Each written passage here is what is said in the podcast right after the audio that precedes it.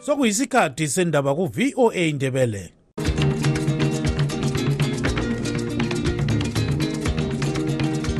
amatshono zihlobo siyalamukela kuhlelo lwethu lwezindaba eziphathelane lezimbabwe kustudio 7 eya voice of america sisakaza sisewashington dc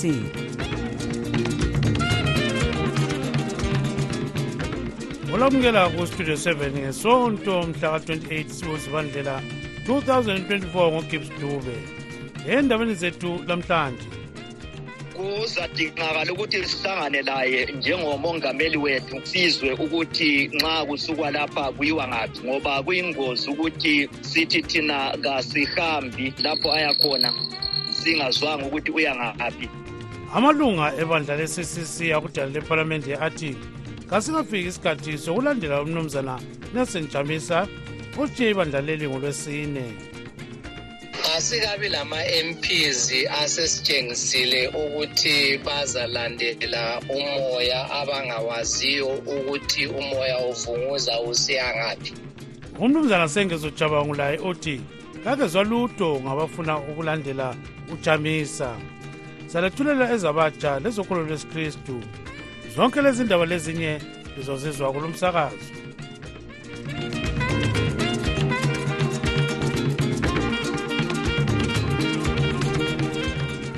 Amalunga ebandla le-ccc akudale lephalamende athi kasikafiki isikhathi sokulandela umnumzana nelson jamisa otshiye ibandla leli ngolwesine. Abaningi esikhulume labo namhla bathe bamelele okuzaphuma emhlanganweni abazoqhuba edale lephalamende ozabe ukhokhelwa ngumnumzana clifford hlatshwayo ophethe isikhundla sika-chief whip ku-ccc uhlatshwayo uthi bazathatha isinqumo ezizakwethulelwa uzulu bengenza umhlangano wabo kusukane ezilandelayo. Sixoxe ngodaba lolu lomnumzana decent collins bajila omele isigaba emakhandeni luveve edala lephalamende kuzadingakala ukuthi sihlangane laye njengomongameli wethu uh, sizwe ukuthi nxa kusukwa lapha kuyiwa ngaphi ngoba kuyingozi ukuthi um sithi thina kasihambi um lapho ayakhona singazwanga ukuthi uya ngaphi. Kumbe lokuthi sithi thina siyakhonale lapho khona kuyiwa ngaphi so kade sesisakulindele yikuthi sibe lendlela yokuhlangana laye um sisakuhlela khona lokhu ukuthi sizakuhlangana laye sekutheni. Ngemva kwalokho sisenelisa ukuthatha izinqumo munye ngamunye. Ke selikhulume laye yini ngokuhamba kwakhe? Sisacele ubukhokheli bethu njengamalunga ephalamende ukuthi kuhlele umhlangano laye. Bangakwenza nini khonokho? Asilasiqiniseko sikhangele ukuthi thina siyabuyela ephalamende ngeviki ezayo. Nxa bengakwenza khona lokho ngesikhathi senileso sesibuyele kungabe kulungile. Kodwa hhayi okumgceke yikuthi eviki ezayo siyabuyela ephalamende. Sizwile-ke honorable mahere fatsayi mahere sithi ubona ngani yena sesuka ephalamende njalo uzaloba incwadi esithi sesuka ephalamende. Wena kubona njani okungenziwa ngumahere wena ungeke wakwenza yini nxa ulilunga lebandla um i-political party isinqumo esingako um ngikubone kulungile ukuthi usithathe ume wedwa. Kuyabe kumele ukuthi lisithathe selingamalunga edale lephalamende lilonke kumbe lisithathe liyinhlanganiso kumbe lisithathe ngemva kokuzwa ukuthi abahlali bama-constituency bathini. Kodwa u-honorable mahere ngibona ngani naye kulilungelo lakhe ukuthi asithathe isinqumo esinjalo. Um mhlawumbe yena ube seke waxoxisana lo mongameli mhlawumbe ubeseke waxoxisana labahlali base-mount pleasant bakubona kuyinto e-right yena leyo. Nami ngilesiqiniseko sokuthi isinqumo esinjalo kungenzeka ukuthi ngisithathe but kusadingakala ukuthi siqale sibe lengxoxo lomongameli sizwe ukuthi kuyiwa ngaphi. Kusadingakala ukuthi njalo futhi siye um kubahlali bendawo sizwe ukuthi kuyiwa ngaphi. Kodwa hhayi ngilesiqiniseko sokuthi umongameli sizakwenelisa ukuxoxisana laye kodwa lapho abamele khona ngapho bathini ngakhuluma labo ngodaba lolu lukajamisa angikezwa eh abakhuluma ngqo ngathi njengamalungu edale lephalamende kodwa indaba yokuthi eh izinto bezingasamanga kahle phakathi kwebandla le-triple c eh abanengi ku-constituency bakutsho eh lokho. Kodwa angikezwa umbono oyiwo ongathi uyaphuma ucace ukuthi bathi kungabe kulungile yini ukuthi ngenxa yalokho okade kungasalunganga enhlanganisweni inhlanganiso siyihlamukele. Um so yingxoxo esiza kuba phakathi kwazo ngilethemba ukuthi ubukhokhelo obukhonapha eduze labo buzasinxusa emihlanganweni yokuthi sibonisane sizwe ukuthi kusukwa lapha. Kuyiwa ngaphi ngoba okuqakathekileyo kakhulu yikuthi eh abantu abayibo eh abasikhethayo bengaboni angathi siyabadelela. Ye sizwile abanye besithi lina abanye lingeke lasuka edala lephalamende ngoba selithengelwe izimota seliphiwe lezinye izinto eziningi-ningi. Kambe ngabe kunjalo? Isizathu sokuthi umuntu aphume kumbe angaphume ephalamende ngeke seyame um ezimoteni. Eh njalo asikho qiniso ukuthi sesithengelwe izimota asilazo izimota. Mina nginje nje khonapha ngikhuluma ngihamba ngenyawo eh ngisemakhandeni eh okwakathesi so leso ngeke sisaba yisizathu eh esinjalo izizathu zonke ezingabe zikhona zeyeme ekumeleleni abantu. Uma abantu bekubona kufanele ukuthi hayi kabasadingi kumelelwa um lakho siza kubona sikukhangele ngale indlela umnumzana decent collins bajila ngomele isigaba semakhandeni luveve edale lephalamende. Bexoxa laye ekobulawayo. Siphinde saxoxa ngodaba lolu. Lo mnumzana sengezojaba ngo-ozithi ukunobhala jikelele we-ccc asikabi lama-MPs asesitshengisile ukuthi bazalandela umoya abangawaziyo ukuthi umoya uvunguza usiya ngaphi. Bayakwazi njalo ukuthi ama-MPs nxa befuna ukuchiya kumele bayenze izincwadi zokukhalala zokuchiya asikazitholi lezo zincwadi. Lizakhumbula njalo sikhuluma ngama-MPs abakwaziyo ukuthi nxa kwabengena befuna ukuba ngamalunga ephalamende eh kwakulezi ncwadi abazilobayo befisa ukuthi bafuna ukumela lesi siqinti eh kusiba le vetting kusiba le security check yonke izinto leziyana. So yizinto esikwaziyo ukuthi izinto abazaziyo. Okakathesa sikabe lo MP olandela umoya ovunguzayo kumbe isavunguzane esivunguzayo esingakwazakaliyo ukuthi sizachaya lapha siyephelela laphana. Sizwe eh, omele i-mount pleasant edala lephalamende ubatsayi mahere esithi uyajiya ungathi ngakhona umahere eh siyamhlonipha kakhulu njengelunga lephalamende njalo sibe simhloniphe futhi kakhulu njengokuthi uligqwetha eh simhloniphe kakhulu njengokuthi eh umele eh ikakhulu abantu abangabomama ube yisimbolo eparliament ukuthi a-advance ama-interest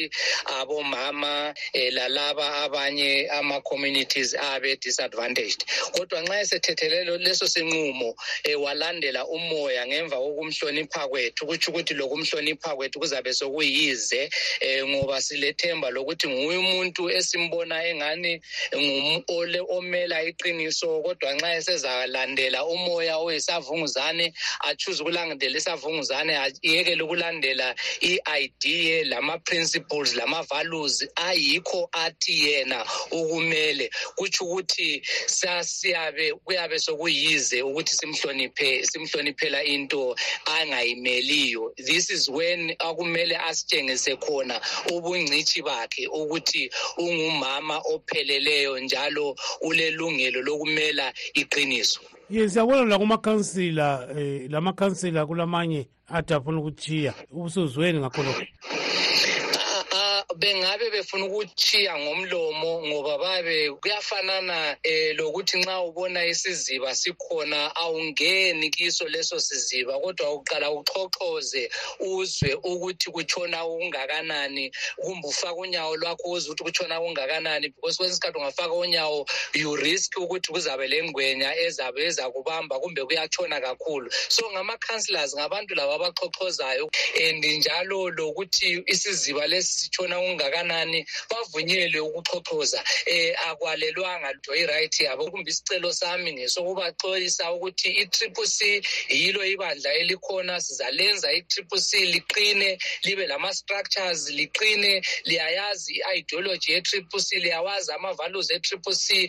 Nanka ama-criminals nanzi izigqilamkhuba ade sezithethe i-triple c lalamhlanje zithethe i-triple c zabaleka lo president sezibaleka lo president sehambile upresident ngenxa yama-criminals lawa ade emsekele ngaphandle e, emsekele emgombolozele. Kodwa inhlanganiso ikhona akutsho ukuthi ijoni lingaphuma linga, linga inkamba iyavalwa i-triple c will remain and fight zanu p f. Let's remain in these political spaces esikhona eze-council eze-parliament eze-senate sifayitha izanu p f. Silungiselela i-congress silungiselela ukhetho oluzabuya ngo-2028 lo ngumnumzana sengezo jabangu ozithi unobhala jikelele webandla le-ccc obexoxa lestudio 7 ekobulawayo. Kusenjalo umnumzana nelson jamisa uthi uhulumende kamongameli emerson mnangagwa ufuna ukumbulala. Ulobe umbiko lo enkundleni yokuxhumana etwitter lefacebook kodwa esikhulumeni sebandla lezanu p f umnumzana chris mswangwa uthi ujamisa ukhuluma amanga aluhlaza tshoko.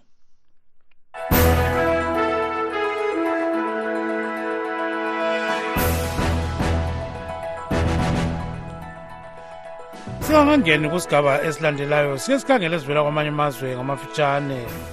Elemelika lithi lilethemba lokuthi ele-israyeli lehamas bazolobelana isivumelwano senyanga ezimbili esokuthi kumiswe impi kancane kukhululwe abathunjwa ihamas ngomfumfu nyakenye umkhuhlane wenkukhu we-avion flu usuhlasele inkukhu eziningi esabelweni se-san francisco khonapha kwelemelika lapho osokubulewe ezedlula ingxenye yenkulungwane 550,000 ukwenzela ukuthi umkhuhlane lo ungamemetheki.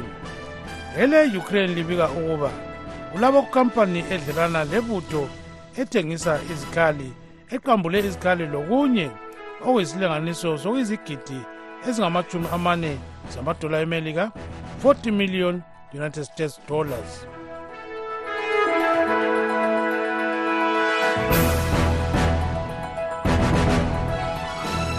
sikazizwe ezamasiko.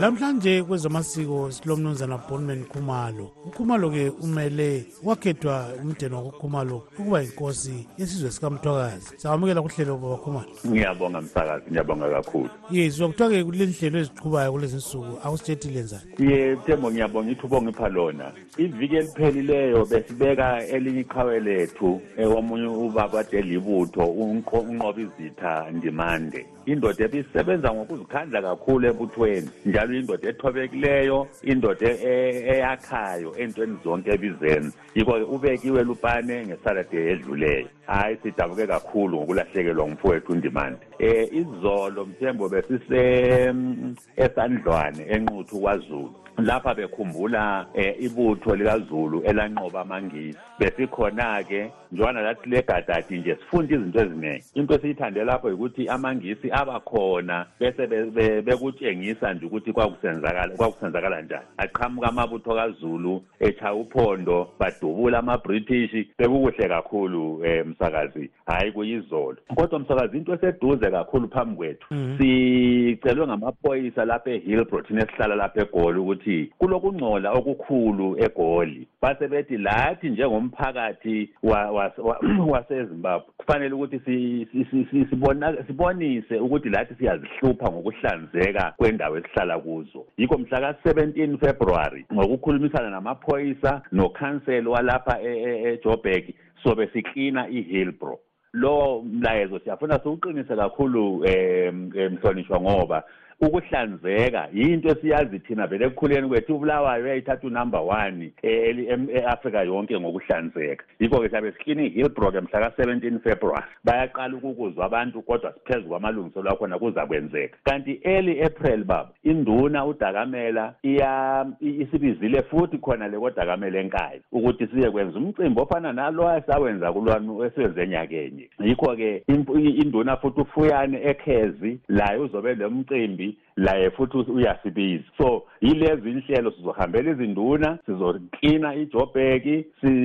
aziningi nje izinto mhlonishwe engingazithinda angibonge kakhulu siyakuzwa kakhulu siwili um baba khumalo. Um sungavala ngamafitshane khonapho yebo bantu bakithi. Lokho esigqugquzela abantu bakithi ukuthi uma sibabiza abaphakame akalunganga ubaba othi nxa sokusuba lodonga oluthile oluphazamisa esigabeni umgwaqo yena angabi khona ukulungisa. Yikho-ke sakhe isizwe manje siyakhuthaza mpela ikakhulu obaba ukuthi asiphakameni sakhe isizwe sethu. Omama labo abangasonga izandla. Thebo ngiyabonga kakhulu. Zonke lezi nhlelo siyabanxusa abantu bakithi ukuthi abaphakame baziphakamele. Ngiyabonga mthemba ithubo ngiphelole yes awanga kakhulu-ke lo ngumnumzana bonman khumalo. Isikhulumeli siwakhethwa ngumdeni wakokhumalo ukuba yinkosi yamandebele. Sikhuluma-ke lapha ngobulelani lobhengula siyabonga kakhulu ungadini lokusasa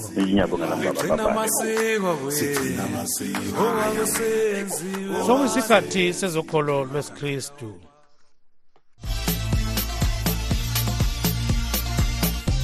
Siyalamukela kusigaba sabatsha igama lami ngutabo kancube namuhla sixoxa ngemfundo yabakhubazekileyo lowasungula inhlanganiso emela amalungelo abakhubazekileyo eye signs of hope trust unkosazana samantha sibanda.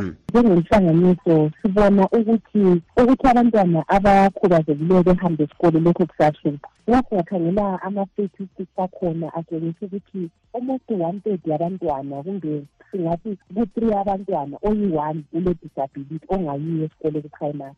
If that is the case one in three children is a lot uh ukuthi bebe lama-disabilities. So sibona ukuthi kuningi okusafanele ukuthi kwenziwe from ama-policies from ama-buildings ukuthi ama-attitudes abantu. So kusasekuningi okufuna kwenziwa ukuze abantwana abakhubazekileyo bekwanisa esikolo so kulomsebenzi omningi. Kuzikhathi eziningi sibona abantu abakhubazekileyo bebandlululwa kumbe kusiba lamazwi enzondo. Lokhu kuphazamisa njani ukuqhubekela phambili ngemfundo kwabakhubazekileyo sibona ukuthi amazwi lawo ayenza ukuthi abantu abakhubazekileyo begcina besekela ukuphuma behlangane labanye abantu.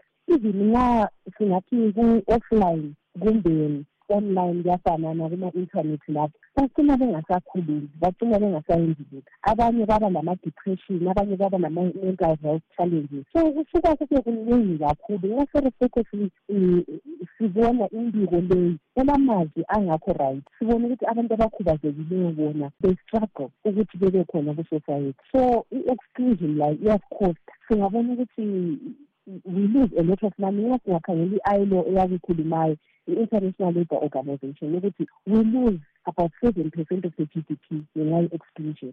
Nxa singaba yi-society e-inclusive ekhangela ukuthi wonke umuntu unama-equal opportunities wonke umuntu uyafanana. Siyabona ukuthi even njengamazwe siyakwanisa ukuthuthuka but at this rate sibona ukuthi inzondo isaseningi kakhulu for abantu abalama-disabilities so i-meaningful participation yona ngikwayo isuka ibe yi-challenge sibone um kuphuma um ama-results awe-o level awomnyaka owedluleyo um efika wona ku-30 percent abantu abenelisa ukuthi baphumelele kungawelizwe lonke. Um nxa sikhangela abakhubazekileyo. Ubona baphumelela kanjani ezifundweni? Abantu abakhubazekileyo i-transition yabo ukuthi bevele ku-primary bengene ku-secondary kunzima so most of abantu abalama-disabilities badropha out beqeda nje ugrade seven abanye abasadluleli phambili. Sebeqala ukudingela ama-vocational training it's very likely ukuthi bona ngokwabo vele ababalwa khonapha inani labo lisuka liye phansi. Abantu abathatha i-secondary education. Kuyini elibona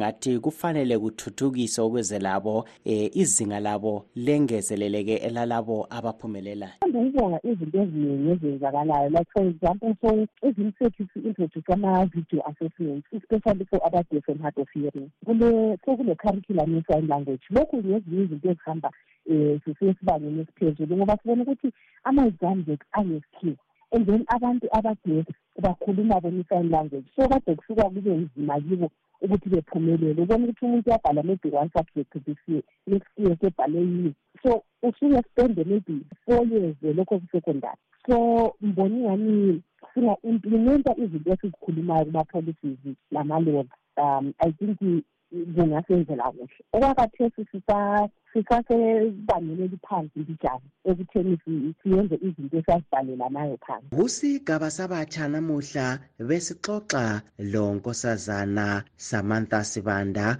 ngemfundo yabakhubazekileyo enguye owasungula inhlanganiso emela amalungelo abakhubazekileyo eye-signs of hope trust asihlanganeni ngesikhathi esifanayo ngeviki ezayo. Olivalelisayo ngutabo kancube. Lapho lizwe utabo kancube kusigaba sabatsha. Okwamanje sokusikhathi sizogolo lwesikristu.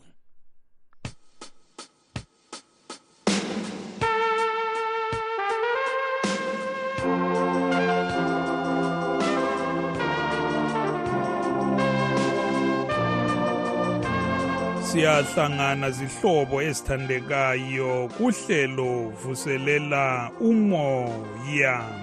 Igama nguntungamili nkumo namhlanje silomfundisi thandeko zintimkandla usiphatheleni mfundisi. Ujehova muhle zihlobo zami ezithathekayo enkosini ngoba nanku sesiphile njalo elinye ithuba obana sihlangane sivuselelane. Imoya ikakhulu umnyaka uqalisa kunje ukuthi kambe lapho esiyakhona kuya kuba njani. Ngeviki eledluleyo lapho esahlangana khona sasibale encwadini kaluka chapter 6 ivesi lika-10 lelika-11 lapho ujesu asilisa khona umuntu wayelisandla esikhubazekileyo ngemva kokubana laba abantu abanye ababekhangele izixuku lezo ikakhulu amajuda babekhangele ukuthi ujesu uzakwenzani ngomuntu olimele isandla njalo kanti kwakuyisabatha e ujesu-ke kazange akunake konke lokho ngoba wananzelela ukuthi umuntu uyaludinga usizo lokumphathisa empilweni. Ujesu kawayengelaphi umphefumulo womuntu la wayeselapha isandla sona leso esifanana lesami lesakho. Abanye abantu bacabanga ukuthi ujesu uyabe ekhuluma indaba yakomoya. Yebo kambe kuqakathekile. Yiyinsika yokukholwa phela indaba yakomoya. Kodwa-ke singaza-ke sikhangele siyeqise amehlo ethu entweni ezisiphilisayo sengitsho lemzimba yethu ekhubazekileyo. Um ukuthi nxa singelalutho oluthize impilo ngumbono kajesu kayiphelelanga aluba lumuntu wayelungile enjalo ujesu wayengasoze amsilise. Wamsilisa ngobana wabona ukuthi impilo yalo umuntu iyasilela. Lathi kumele sikhangeleke labo abaswelayo phakathi kwethu sibenzele kahle. Kodwa-ke into engifuna siyikhangela amafitshane namhlanje nguvesi 11 kaluke chapter 6 kuthiwa-ke uvesi 11 base begcwala uhlanya bakhuluma bodwa ngokuthi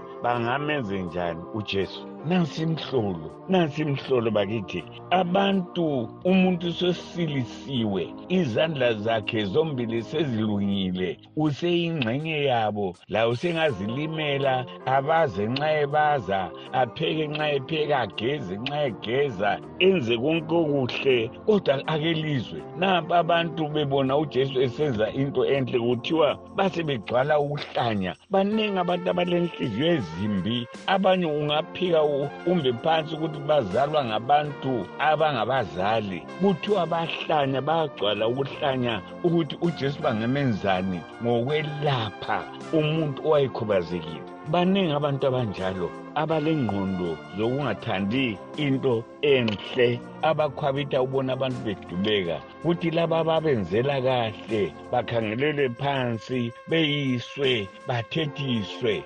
Lezi yizo ingilosi zikasathane uqobo. Nanzelela mhlobo wami ungaze wagcwala ubuhlanya nxa abantu sebenzelwe into enhle. Okumele kwenzakala umuntu angenzelwa into enhle lawe ngena phakathi kwabanengi umfisele okuhle kodwa laba kuthiwa bagcwala ubuhlanya baningi abantu abagcwala ubuhlanya abantu bangenzelwa into enhle. Abanye bakholisa khona kuba ingxenye umbuso kasathane besemhlabeni bancindezele banyathezele abanye abantu. Ujesu-ke eyinkosi engumntakankulunkulu uyabonisa ukuthi hayi abantu akumelanga baphile ngaleyo ndlela. Abantu kumele baphathisane bahambisane laba abagcwele ubuhlanya eqinisweni kumele bahlanziswe. Inhliziyo embi inhliziyo embi yenza ufanane lohlanya unkulunkulu asiphathiseke sikhuleke. Baba thixo engcele khuba inhliziyo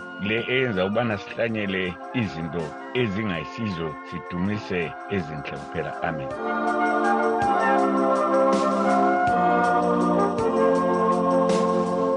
Lolo bekulohlelo vuselela umoya. Silomfundisi Thandeko Sintimkandla thiyani indlebe kuhlelo lunye ngeviki ezayo. Lilami untungamili nkumo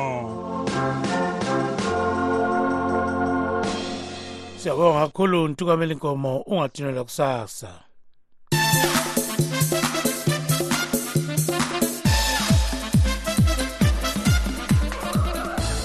Kwezemidlalo okwamanje kunqikelana iqembu le-equatorial guinea neleguinea emdlalweni we-africa cup of nations kwele-ivory coast.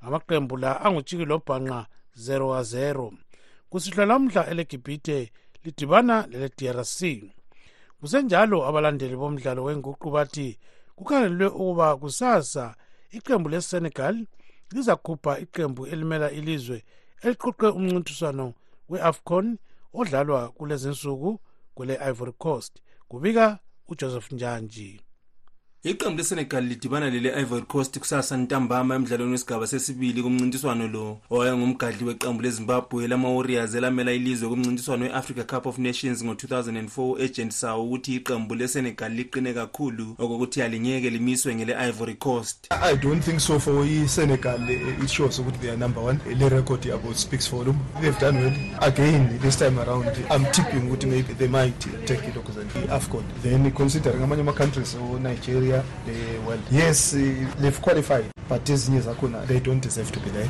Intatheli zindaba ezemidlalo unesh mgogwera uthi loba nje imidlalo yalonyaka ilezimanga ngoba sekuphume amanye amaqembu abekhangelelwe ukuba azakwenza kuhle. Iqembu lesenegal lizaqhubekela phambili lize lifinyelele kufinal. I-afcon le itshengisele wonke umuntu ukuthi a akusela kuthiwa nguye othathayo. Khathesi wonke umuntu odlala ku-afcon uyatshengisela ukuthi uyafuna layo mina ngibona zane iqembu ele-morocco leqembu ele-senegal bangazani bachovile njalo ngingakhangeleli phansi iqembu le-cape verde.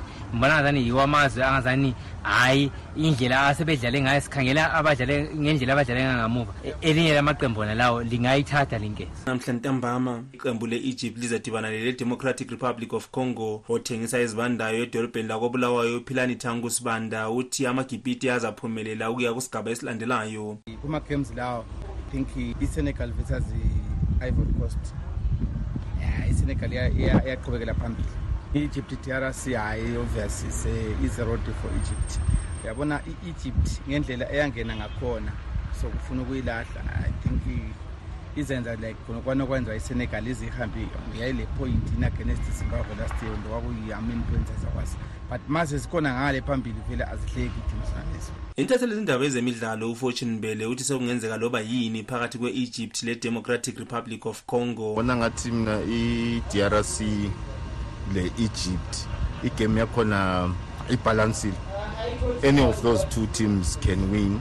And then the second one ngibona ngathi hayi senegal is, is true. Isenegal has got a very powerful team. And esikubonileyo kuma-last games from ivory coast mbona ngathiwa isenegal is true. But elinye lele le-drc le-egypt alibhalansile any team can win. Iqembu le-angola kanye lele-nigeria sefinyelele kusigaba sama-quarter finals ngemva kokuba ele-angola litshayele namibia nge-3 kanya kuthi ele-nigeria lona linqobe ele-cameroon nge-2 kanya ngomgqibelo. Ngiyimele estudio 7 kobulawayo ngingujoseph njanjini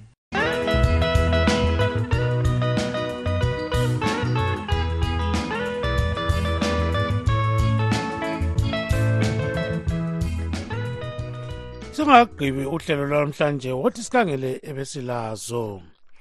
Amalunga ebandla le-ccc akudalela ephalamende athi ngasikafiki isikhathi sokulandela umnumzana nelson chamisa otshiye ibandla leli ngolwesine.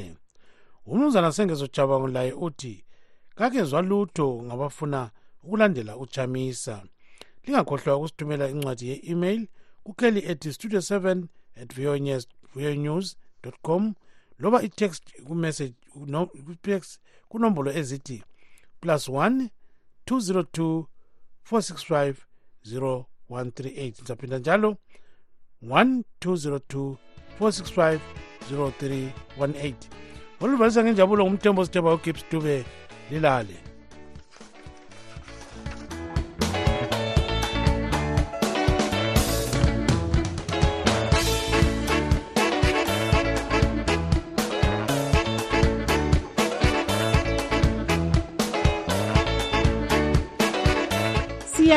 siyalibonga ngokulalela kwenu. Asibeke ithuba elifanayo kusasa kustudio 7 kusukela ngo-half past 7 kusiya ku-8 o'clock ntambama kuhlelo lwezindaba zezimbabwe. Tinotenda nekuteerera chirongwa chedu teererai zvakare mangwana kubva na7 p m kusvika na730 p m. Apo tinokupai nhau muririmi rweshona. Lilani. Murara zvakanaka mhuri yezimbabwe